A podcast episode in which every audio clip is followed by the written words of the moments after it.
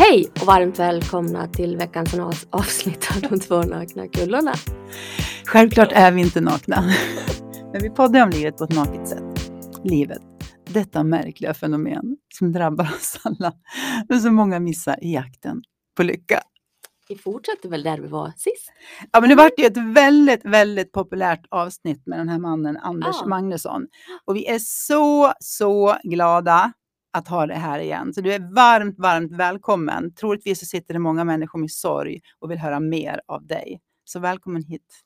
Tack för det. Det vart ju som sagt eh, eh, som, många som ville prata om det här med sorg och jag förstår, som jag tror vi nämnde lite förra gången också, många har ju en sorg fast man kanske inte vet om att man har en sorg. För att man förknippar det med att ja, någon ska ju ha dött. Och så behöver det ju inte alltid vara. Nej. Och det kan även vara någonting som har hänt för som sagt 10, 20, 30 år sedan och sen tror man att man har kommit över det fast Mm. man inte har det. Nej. Så lite, kan det vara. lite oförlöst sådär. Ja, Nej, men det är faktiskt, tittar man på de som kommer på våra kurser för att få hjälp med sin sorg, så kommer sex av tio för relationen till en levande person. Det kan vara föräldrar kring barndomsupplevelser eller någon separation eller någon konflikt eller sådär. Och sen är det också så att 52 procent av de som går kurs inser att det är en annan sorg än den som förde dem till oss som de hindras och begränsas av mest. Så att drygt hälften av oss i Sverige skulle jag säga känner inte ens själva till vilken sorg som hindrar och begränsar oss mest. Så vi har blivit bra på att inte tänka på.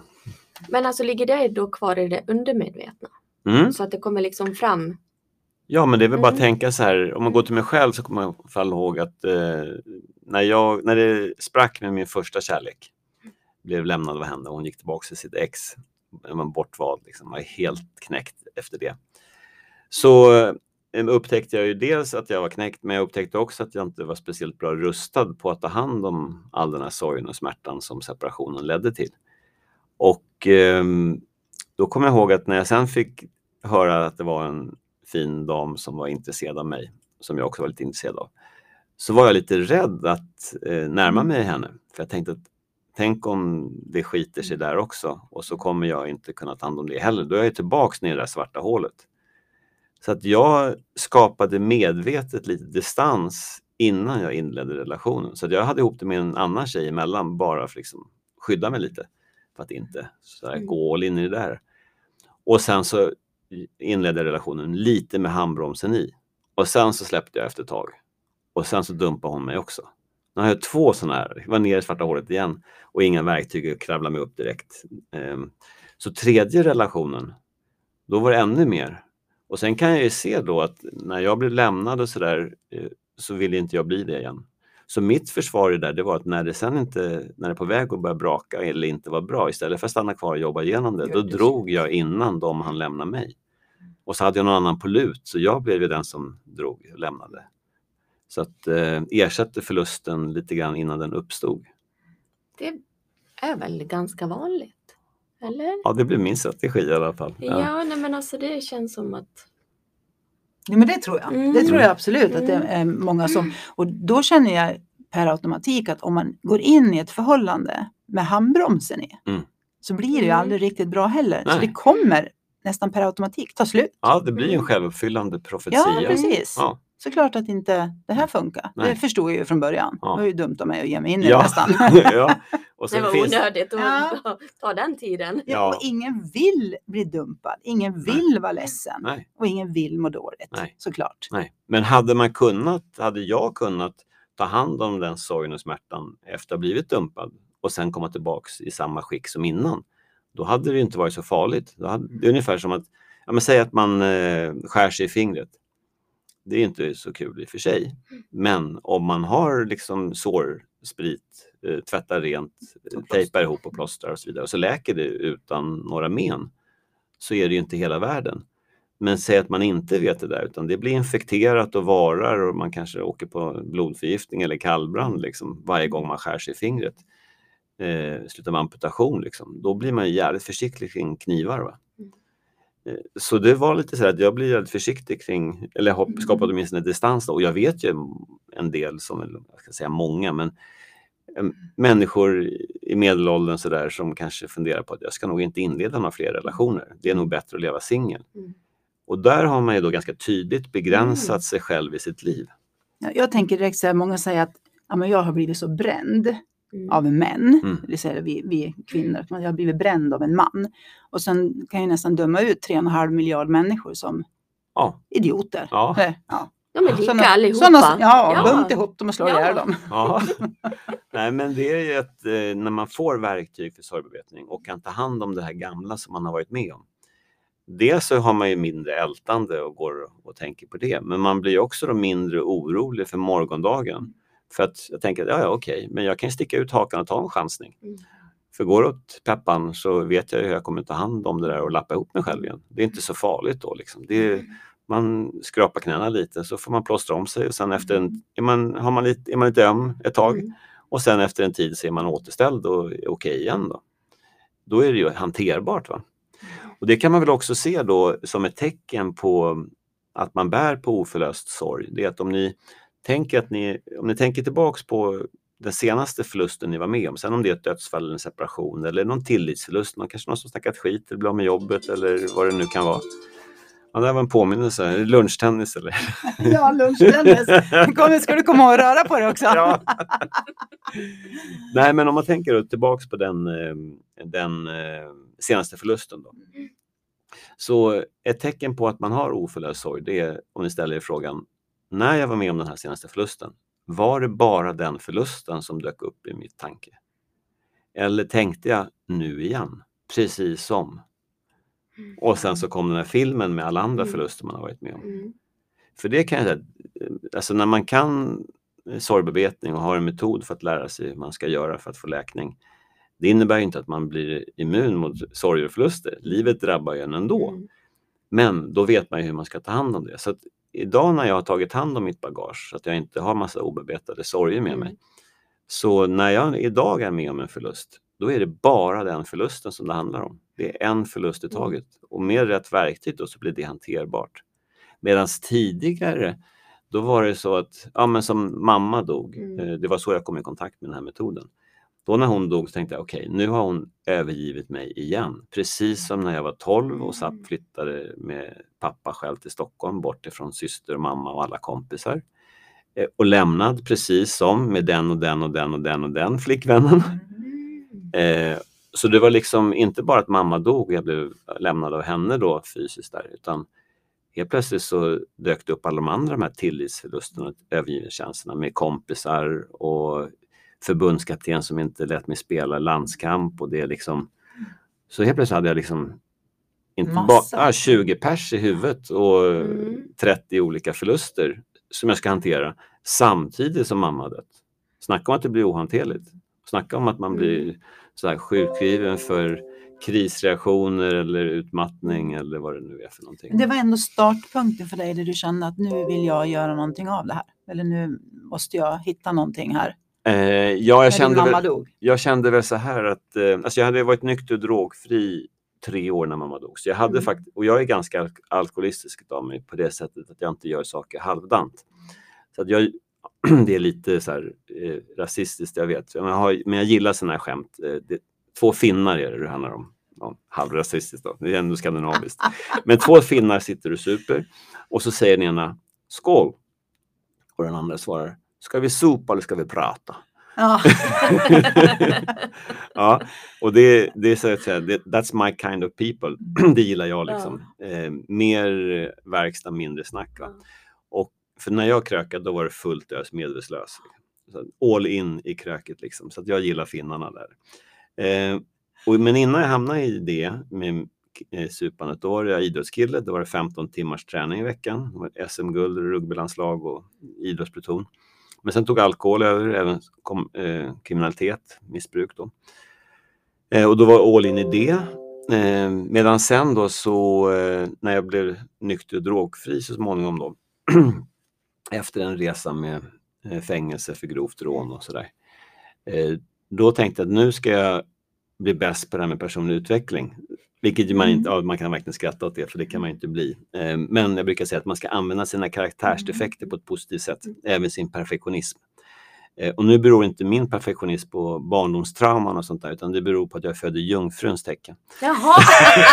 Jag visste väl att det var som mig. ja, så det är inte mitt fel, det är, Och stjärn, jag det är tänkte, var är stjärnorna. du sån? det är stjärnorna. Och i och med att det är stjärnkonstellationen så kan inte jag göra något. Jag är maktlös inför Ja. förändring. Liksom. Ja, det är som det är. Det är som det är. Ja, det var Vi- take vi it. blev så Så här är jag. Ja. Ja. Nej, men skämt åsido. Men jag i alla fall gjorde så att jag gick på självhjälpsmöten varje dag. Jag började med yoga meditation. Jag åkte på kursgårdar. Jag läste hyllmeter med böcker. Jag gick i terapi ett par gånger i veckan. Eh, Och allt det där gjorde ju att jag gick ifrån ja, det destruktiva med supandet och så till att faktiskt börja funka med relationer. Eh, Jag gick från underkända tentor på Handelshögskolan som hade pluggat till civilekonom efter här kriminella bröt med det till att bli kursetta, fick stipendium och åka till Australien och plugga på en MBA-skola där ett halvår. Alltså livet började funka bra liksom. Men sen då så dör då mamma 2001 i mina armar på Malmö allmänna sjukhus, onkologen där efter att ha fått eh, hon hade lungcancer och så hade de blodproppar som satte sig i benen som släppte sen och fastnade i lungorna som kvävdes ganska så här dramatiskt i, eh, snabbt så då går hon i mina armar. Och när då mamma dör, då känner jag att alla de här andra verktygen som jag fått då i terapi och kursgårdar och böcker och allt det där, det var ju fantastiska verktyg. Jag hade ändå gått ifrån missbruk, självisk, våldsam man till liksom börja med bidragande kraft, börja göra bra saker och relationen börjar funka, ta ansvar, börja ta kontakt med folk som är skadat och ställa till rätta och sådär. Så jag gjorde bra grejer liksom. Kunde börja se mig själv i ögonen igen. Eh, men när mamma dör så känner jag väldigt intuitivt att allt det där var ju fantastiska och bra verktyg, men det kommer inte hjälpa mig med sorgen som jag då går igenom. Och idag så vet jag varför, jag har jobbat med det i 20 år, men då visste jag inte då. Men då är det så lyckligt att en man som jag hade som eh, mentor i, när jag var och pluggade i Australien på studentutbytet, en annan nykter alkoholist, han rekommenderade då en amerikansk bok som heter Sorgbevetningar, eller The Grief Recovery Handbook som den hette då innan jag översatte den. Och eh, då läser jag boken, jag tycker att den verkar lite amerikansk först, men, eh, och det är den ju. Men, men jag tyckte också att det verkar lite enkelt att man skriva, reflektera och sen kommunicera och dela med sig av det som man kommer fram till. Eh, och så ska man må bättre kring det tunga man varit med om. Tänkte, kan det verkligen vara så enkelt? Men kände att ja, testa så mycket annat i genren personlig utveckling kan man göra det här också lite grann på vinst och förlust. Eh, Dessutom var det som sagt en person som jag har stort förtroende för. Så allt att vinna, inget att förlora. Så jag jobbar igenom boken tillsammans med några vänner och upptäcker till min förvåning då att jag mår bättre i relation till mamma. Men ser också i det jobbet att eh, det fanns ännu mer sorg i relation till min pappa som fortfarande lever. Vilket då var en ny insikt för mig att se att man kan ha sorg i relation till en levande person. Och när jag jobbar igenom relationen även med pappa, då är det som att den här rösten som jag har levt med i bakhuvudet i 25 år, eh, den tystnar. Eh, den gick så här att, ja men det där som du var med om, ja ja, men det var ju då och nu är nu och vem är jag att döma honom? Jag har gjort värre grejer själv och vi har ju en okej relation idag, det får man ju acceptera det som var och förlåta och sådär. Men ja, och så sopade det lite under mattan, så dök det upp igen och så hade jag den här inre dialogen och så gick jag runt med det där. Men efter bearbetningen, då var det som ett stormigt hav som blev spegelblankt. Och så kände jag att nu är jag klar med min barndom. Mm. Det blev så här tyst i huvudet. det är väldigt märkligt. Sinnesro. Liksom. Sinnesro verkligen. Mm. Jag kände det här ska inte gå. Det här hade inte jag hört talas om. Jag har fått lära mig att man ska lära sig leva med saker man får Mm. acceptera, men att man faktiskt kan dra en upplevelse hela vägen i mål. Det här är ju fantastiskt. Kände det här måste jag ge vidare till andra. Så att istället för att eh, gå in i finansbranschen, vilket jag hade fått erbjudande om efter mina studier med handel, så kände jag att det kan inte vara meningen att jag ska ha varit nära dö 11 gånger och gått ifrån missbruk och kriminalitet för att gå från att jaga pengar som bankrånet till att jaga pengar i finansbranschen. Nej, den här andra halvleken ska jag göra någonting helt annat. Nu ska jag hjälpa människor. Så att eh, jag kontaktade grundarna till metoden i USA, gick utbildning hos dem, översatte deras material till svenska och drog igång Svenska institutet för sorgbearbetning för då, eh, snart 20 år sedan. Och eh, i, det har lett till att, jag, dels har jag hjälpt 2 500 sörjande själv, men vi har haft ungefär 5 000 som har gått kurs hos oss på institutet. Och bland annat utbildat då psykologer, sjukvårdspersonal, präster, diakoner eller människor som har varit med om mycket egen sorg och som utifrån det vill göra något meningsfullt och hjälpa andra på samma sätt som jag själv har gjort. Då. Så att idag så är det ungefär 25 000 som har fått hjälp av de som vi har hjälpt. Så drygt 30 000 människor har fått hjälp med sin sorg genom den här metoden som då är världens enda evidensbaserade metod för sorgbearbetning. Så det är ju fantastiskt. Ja, det är- verkligen. Ja, det var känner, det måste ju vara bland det finaste man kan Mm. ge en annan människa. Ja, och sig Alltså, själv. Ja, och sig själv. Ja. Precis, den viktigaste personen i, Ja. i livet. Ja. Ja, nej, men det har ju blivit ett, ehm, ja, men det har blivit lite mening med livet. Mm. Jag kände ju när jag fick det här, så här kallet om man vill, lite Mm. klyschigt kanske, men att jag känner att jag kan inte dö och inte prova att ge det här vidare till andra. Mm. Nu har det ju gått över förväntan. Ehm, Men samtidigt som det gått över förväntan så känner jag att det är bara början. Mm. Vad härligt. Ja. Ja, vi har ju lite, eh, ja men ganska många olika samarbetsvägar och sådär och nu har jag kommit in på högskola och, och eh, förhoppningsvis så fortsätter det sprida sig där. Så att eh, vi i Sverige faktiskt har adekvat bemötande och stöd och hjälp till sörjande. För det har vi inte idag. Det finns eh, väldigt lite hjälp att få för människor i sorg. Och det är egentligen ganska märkligt för att är det någonting vi vet så är det att vi kommer att gå igenom sorg. Ja, om man Vi får leva kommer, att tillräckligt länge. ja, vi kommer att mista människor. Vi kommer att gå igenom saker som vi kommer känna sorg över. Mm. Det vet vi ju. Ja, och hur mycket får vi lära oss om hur vi Ja, hanterar ingen- det? Ja. Nej, men jag Nej. tänker ju så här som har jobbat som chef i 30 år. Om jag hade vetat mer om det här, vilket stöd man hade kunnat vara till sin personal. Mm. Ja, Dels till sig själv också Ja, då ja, ja, naturligtvis, men sen ringarna på vattnet blir ju och för det händer ju saker för personalen hela tiden mm. som man skulle kunna Mm. ja nej, det är ju Mm. både den egna sorgen och bearbetningen kring det och sen bemötandet. Då. Så Mm. kunskapsbristen blir ju ett problem att sörjande ofta blir väldigt ensamma Mm. med det man går och bär på. Att folk vill inte störa, ger dem lite tid, undviker samtalsämnet. Och jag tänker att det både, även, alltså även för dem runt omkring, Mm. så handlar det många gånger om att man vet inte hur man ska göra. Nej, Man vet inte Mm. vad man ska säga. nej. Ehm, Jag tror att alla skulle vilja säga någonting, men man är rädd för att säga fel. Ja. Och, då, och, det, och det kan jag förstå för att eh, det finns en studie som visar att 86 procent av det som sägs landar fel. Mm. Ja. Mm. Så att det är ett Ja, då tecken förstår jag att vi är rädda för Ja. det. Ja. om man är så här, men alla säger ju det de säger med god intention, så man vill ju väl, men vet inte vad man ska säga. Och så när man då säger det som man säger, som att, eh, ja, var inte ledsen, det kommer ordna sig, eller så, så man säger välmening och uppmuntrande, så tar ju ofta sörjande det som att det är något fel på det jag känner.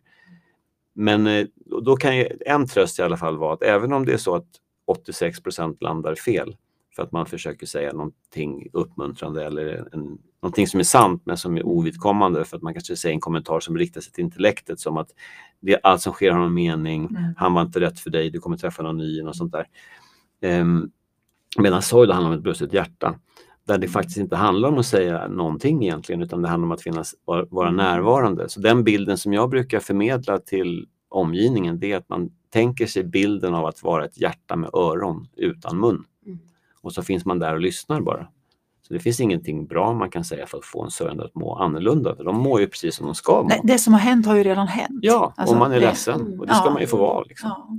Ja. Ehm, Men sen så smittar ju starka känslor och är det då så att någon blir ledsen så blir man själv berörd och så Mm. kanske man blir påmind om någonting man själv har varit med om och så blir det lite jobbigt. Då. Men då kan det i alla fall vara någon tröst i alla fall det här med att man, om man är rädd för att säga någonting som inte landar väl. Så är en tröst är ju då att om det, det enda som är värre än att säga någonting fel, det är att inte säga någonting alls. Mm. Alltså, inte att man ska prata, men att inte kommentera att det har hänt, Mm. att man låtsas om som att Mm. ingenting har hänt Mm. gå över på andra sidan gatan, sluta Ja, höra av sig. Det är sånt så där. jäkla typiskt. Ja, det är Jo, det men jag värsta. tänker direkt så om man skulle, nu bara fick jag en bild av att man Mm. skulle ha mist ett barn. Mm. Eh, och sen är du och jag vänner Mm. och sen möter vi varann och jag vet att du vet att jag har mist mitt barn. Mm. Och du säger ingenting. Nej, det är värre än att säga Än en att säga så att säga kommentar. fel. Ja. Ja. Precis. Ja, men jag, i, igår när vi satt här nere innan vi gick upp, då träffade jag en person som jag känner och han berättade saker som hade hänt i hans liv för inte så, ett par år sedan. Och han sa det, han kunde liksom gå på ICA och sådana som han har känt tittade inte på honom ens, utan Mm. bara gick förbi. Mm. Istället för att komma fram och fråga liksom, ja, men hur är det Mm. i det här? Ja. Mm. Nej, det påminner ju, du nämnde det med också att, ehm, det här med att ja, mista barn. Då.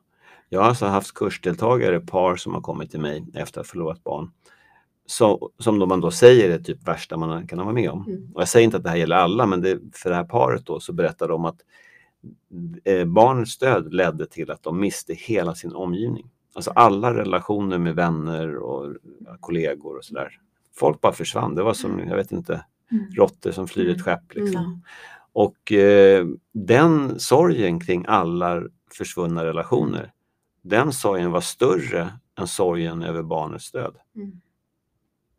Så att det är liksom, vi pratar inte lite konsekvenser liksom Mm. att vara med om det. Man brukar säga att en sorg kommer sällan ensam. Mm. Nej, den gör ju inte det där. Mm. Så det där är ju ganska tragiskt då med tanke på att eh, ja, om något så behöver man ju omgivningens Mm. stöd och närvaro när man har varit med om någonting sånt fruktansvärt. Så att den här kunskapsbristen som vi har i samhället, den drabbar ju oss när vi är i sorg, men den drabbar ju också så här, indirekt med eh, bemötandet då, Mm. från omgivningen också. Och sen ibland är vi omgivning och ibland är vi sörjande, så det är liksom Mm. olika skeden. Men om det är någonting man kan säga där kring det, så att våga störa, våga eh, säga någonting och sen veta att det som du säger inte kommer att vara tillräckligt. Men det räcker, det är klart tillräckligt att vara där, kanske erbjuda en kram och bara liksom finnas till hands. Och sen kanske hjälpa till med lite praktiska saker, åka över med en bit mat, Mm. Eh, hjälp till att klippa gräset. Jag vet, eller- ofta, ja. det är precis det som många säger att de skulle vilja haft hjälp med. Mm. I det här att och någon har kommit med middag. Ja. Mm. För man äter inte Nej, när man är i sorg. Nej. Och då mår man ju ännu sämre. Mm. ja. Och så kan det vara schysst med en nyklippt gräsmatta Ja, också. precis. Ja. Ja, faktiskt. Ja. På tal om att göra något. Liksom. Mm. Ja, men det, och sen om man har då 10-20 personer i omgivningen som gemensamt då hjälper till med att klippa gräsmattan, hämta, lämna på dagis, eh, fixa lite med käk, sätter sig ner och kanske hjälper till att betala fakturorna och lite sånt där Mm. praktiskt under en period. Mm. Så är det någonting annat än att sitta själv hemma. Eh, och, och sen så, ja, sitta där och så har man 10-20 stycken som har sagt till en att ring mig om du behöver hjälp. Det finns ju ingen som gör det. Nej. Nej. Man sitter där och tittar in i en vägg liksom Ja. och så, vadå ringa, vad är telefon, vad är det för något? Nej, det gör man ju inte. Utan det är ju inte den sörjandes ansvar att be om hjälp. Det är ju den, Mm. alltså det är ungefär som att ja, men någon som drunknar och sen bara, ja, men ropa om du vill ha en livboj. Liksom. Mm. Vad lustigt att du säger just det. För precis, Precis. idag vid frukosten Ja. så läste jag om hur drunkningsolyckor sker eller hur Ja, det tyst, ser ja. ut. Mm. Precis, det finns ingen som håller på att drunkna som ropar. Nej. För man kan inte ropa. Nej. Man kan bara försöka andas. Ja. Och man kan heller inte vinka. Nej. För kroppen var tydligen stel, Mm. att Ja. armarna gick rakt ut. Och, så att du ser aldrig på en person att Nej. de håller på att drunkna. Nej. Du varken ser eller hör. Ja, det är en det intressant är- liknelse för det är ju samma Mm. sak med sörjande. Mm. De sitter ensamma hemma och drunknar. Mm. Det är ingen som ser dem drunkna. Och de flesta drunkningsolyckor var också i närheten av sina föräldrar. Det Ja. är bara det att de såg inte, för vi har lärt oss kanske på tv att en Ja. drunkningsolycka ser ut att någon skriker och plaskar. Ja, och nej, det är den tysta inget, döden. Ja, Det precis. Men samtidigt är det så här, har man barn det är väldigt tyst. Ja, Ja men då är det något som inte eh, stämmer. då är det något som... Ja, och det är ju om man tänker sig hemma Ja. är ett barn. Ja. Eh, en drunkningsolycka är ju, det är ju sekunder Ja, ja. Mm. Faktiskt. det. Nu, nu bara slog det mig att Ja. jag har hört dig prata om, jag kommer inte ihåg i vilket sammanhang exakt så, men jag vet att du pratar om en tekopp. ja, just det. Med fullbordan. Eh, ja, det tycker Ja. jag var så jäkla intressant och det tror jag att ehm, jag kände att det Ja. var väldigt skönt att höra den. Ja, men jag kan ju förklara lite grann kring, alltså, du är inne på egentligen bearbetning eller förlösning av känslor. Eh, Jag nämnde det i förra podden, att det är tre delar som behöver ingå för att en kommunikation ska vara fullbordad. Eller för att en känsla då ska förlösas. Och det ena var att man behöver verbalisera det man tänker och känner riktat till motparten. Man behöver bli hörd av en levande person och sen slutföra den kommunikationen med ett avsked. Så situationen med tekoppen eh, det är att eh, säg att eh, ni fyller år, ni har släkt och vänner över på lite tårta och kaffe. Så. Och sen er bästa vän, vi kan kalla henne för Eva säger vi. Hon eh, kunde tyvärr inte komma, hon är ensamstående, var tvungen att vara hemma med sin dotter fem år som var förkyld. Eh, och fick ingen barnvakt, du vet, covid-tider, folk är rädda. ja. Så, ehm, ja, men hon skickade en vacker, ni te, dricker te säger vi, så ni älskar så här stora tekoppar. Eh, och ni fick en riktig sån här balja, härlig. Som direkt när ni öppnade paketet, det där kommer bli min nya favoritkopp. Eh, Så ni blir jätteglada för tekoppen. Lite ledsen besviken att Eva kunde komma, men förstår ju såklart varför. Eh, Och så känner ni den här glädje och tacksamheten över tekoppen. Och då är frågan, har ni någon gång varit på ett sammanhang där ni ser att människor pratar mer, för munnen rör sig, Mm. men ni hör inte vad Mm. folk säger? Mm. Vad beror det på? Då? Någon Tack. annanstans. Ja, tanken Mm. någon annanstans, ja, Mm. precis. Eh, så säg att ni är på det här kalaset, så tänker ni på den här tekoppen och är så glada för den. Och så ser ni att människor pratar mer, för munnen rör sig, men ni hör inte vad de säger. Och så inser ni att det här är för att jag går och tänker på Eva och den här koppen. Jag måste ju ringa och tacka, jag har ju koncentrationssvårigheter här. Och det är två vanligaste reaktionerna på sorg, är koncentrationssvårigheter och energiförlust. Så luften går ur en och man har svårt med koncentrationen. Det är liksom det vanligaste. Då. Ehm, så säg här nu att ehm, ni tänker på tekoppen och så vill ni förlösa de här känslorna. Eh, Och så är inte Eva där, hon är hemma, men vad kan ni göra? Jo, ni kan ju ringa och tacka Mm. för tekoppen. Så ni tar fram mobilen, går lite grann åt sidan och ringer upp Eva. Och så tackar ni för tekoppen. Och, ja, men tack för koppen, jättefin och tråkigt att du inte är här, men eh, vi syns väl nästa vecka på torsdag. Ja, då har jag barnvakt, säger hon i alla fall. Ja, men vad fint, då syns vi då i alla fall. Så var det så bra. Och så ska man precis till att säga hej då. Men innan man hinner säga hej då så bryts samtalet. Vad gör man då? då? Ringer upp igen. Ja, Mm. säger man ja, hej igen, vi var väl klara, jag skulle bara ringa och säga hej då. Ja, hej då, ses på torsdag Mm. och klick. Och sen helt plötsligt efter det samtalet så är det ljud på stumfilmen. Nu hör man vad folk säger igen. Så så enkelt är det att bearbeta och förlösa känslor på ett bestående sätt. Man riktar sig till motparten, blir hörd av motparten och slutför med ett avsked. Men säg nu att ni inte ringer Eva för att ni tänker så här att ja, men det är så mycket med gästerna, jag får fokus på det, jag lägger det åt sidan, jag får ringa henne imorgon. Och så, ja, det blir lite sent, eh, ni plock, eh, går och lägger er och så vaknar ni på morgonen tidigt utav att er telefon ringer istället. Och så är det Evas ex som ringer och berättar att Eva dog under natten. Vad är nu det första som ni kommer att tänka? Det är inte ringa. Fan att jag ringde inte ens och tacka för den här tekoppen. Nej. Precis, och nu är det för sent. Mm. Och när, när ni nu tittar på tekoppen, kommer ni känna glädje och tacksamhet över att ni fick tekoppen? Eller kommer ni tänka, jag ringde inte? Jag ringde aldrig. Mm. Nej. Och kommer nu, kommer nu den här tekoppen stå framme på eh, frukostbordet? Nej, för jag kommer inte vilja bli påmind om den här skulden tror jag. Nej. Eller, ja. Och eh, kommer du slänga den då? Nej, det kan jag absolut inte göra. Jag har ju fått den av Eva. Ja. Ja. Så du har kvar den, men det är en dålig energi. Så då hamnar den längst bak in i skåpet någonstans. Va? Mm. Mm. Eh, säg nu att du ringde ändå. Och sen så dagen efter så ringer din telefon på morgonen och så berättar Evas ex att Eva dog under natten. Då kommer du åtminstone inte tänka jag ringde inte för det gjorde du. Eh, och sen så kommer du såklart känna sorg kring massa olika saker, kring vad som inte kommer hända imorgon och allt det där. Och kärlek och tacksamhet för er relation, det som var bra och så. Men när du då tänker, ser tekoppen så kommer du tänka det där var det sista jag fick Mm. utav Mm. Eva. Jag kommer aldrig någonsin kunna ställa undan den. Nej, den och kommer inte vara, vilja. nej, kommer ha den på varje frukostbord och, och så sitta där och ha en, en god känsla. Va? Så att en ofullbordad kommunikation, även fast det handlar om positiva känslor, blir sorg och smärta i förlängningen när det inte är fullbordat.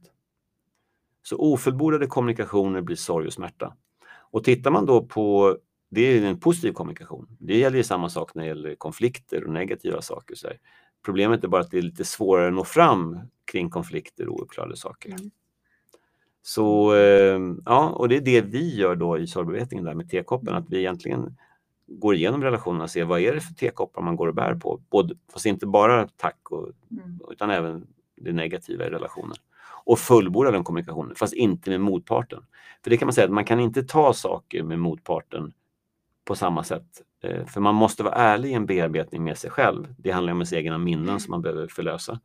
Och där behöver man vara ärlig med sig själv, det man går och bär på. Men man kan inte ta allt det här med motparten. Man kan inte säga till någon annan, ehm, ja, jag, be, jag förlåter dig för att du var sånt arsle förut. Ja, men alla gör så gott de kan, du uppenbarligen kan inte du bättre, jag förlåter dig. Eh, och så ber jag om ursäkt för att jag var otrogen mot dig med 30, för 30 år sedan. Jag vet att inte du känner till det och det var min bästa kompis, jag ber så hemskt mycket om ursäkt. Nej, det kan man inte ta. Nej. Nej, så att, eh, det är en egen process det här handlar om, Ja. som man får göra. Fantastiskt. Nu känner jag direkt att det är en massa människor som jag vill ringa och be om ursäkt. Ja.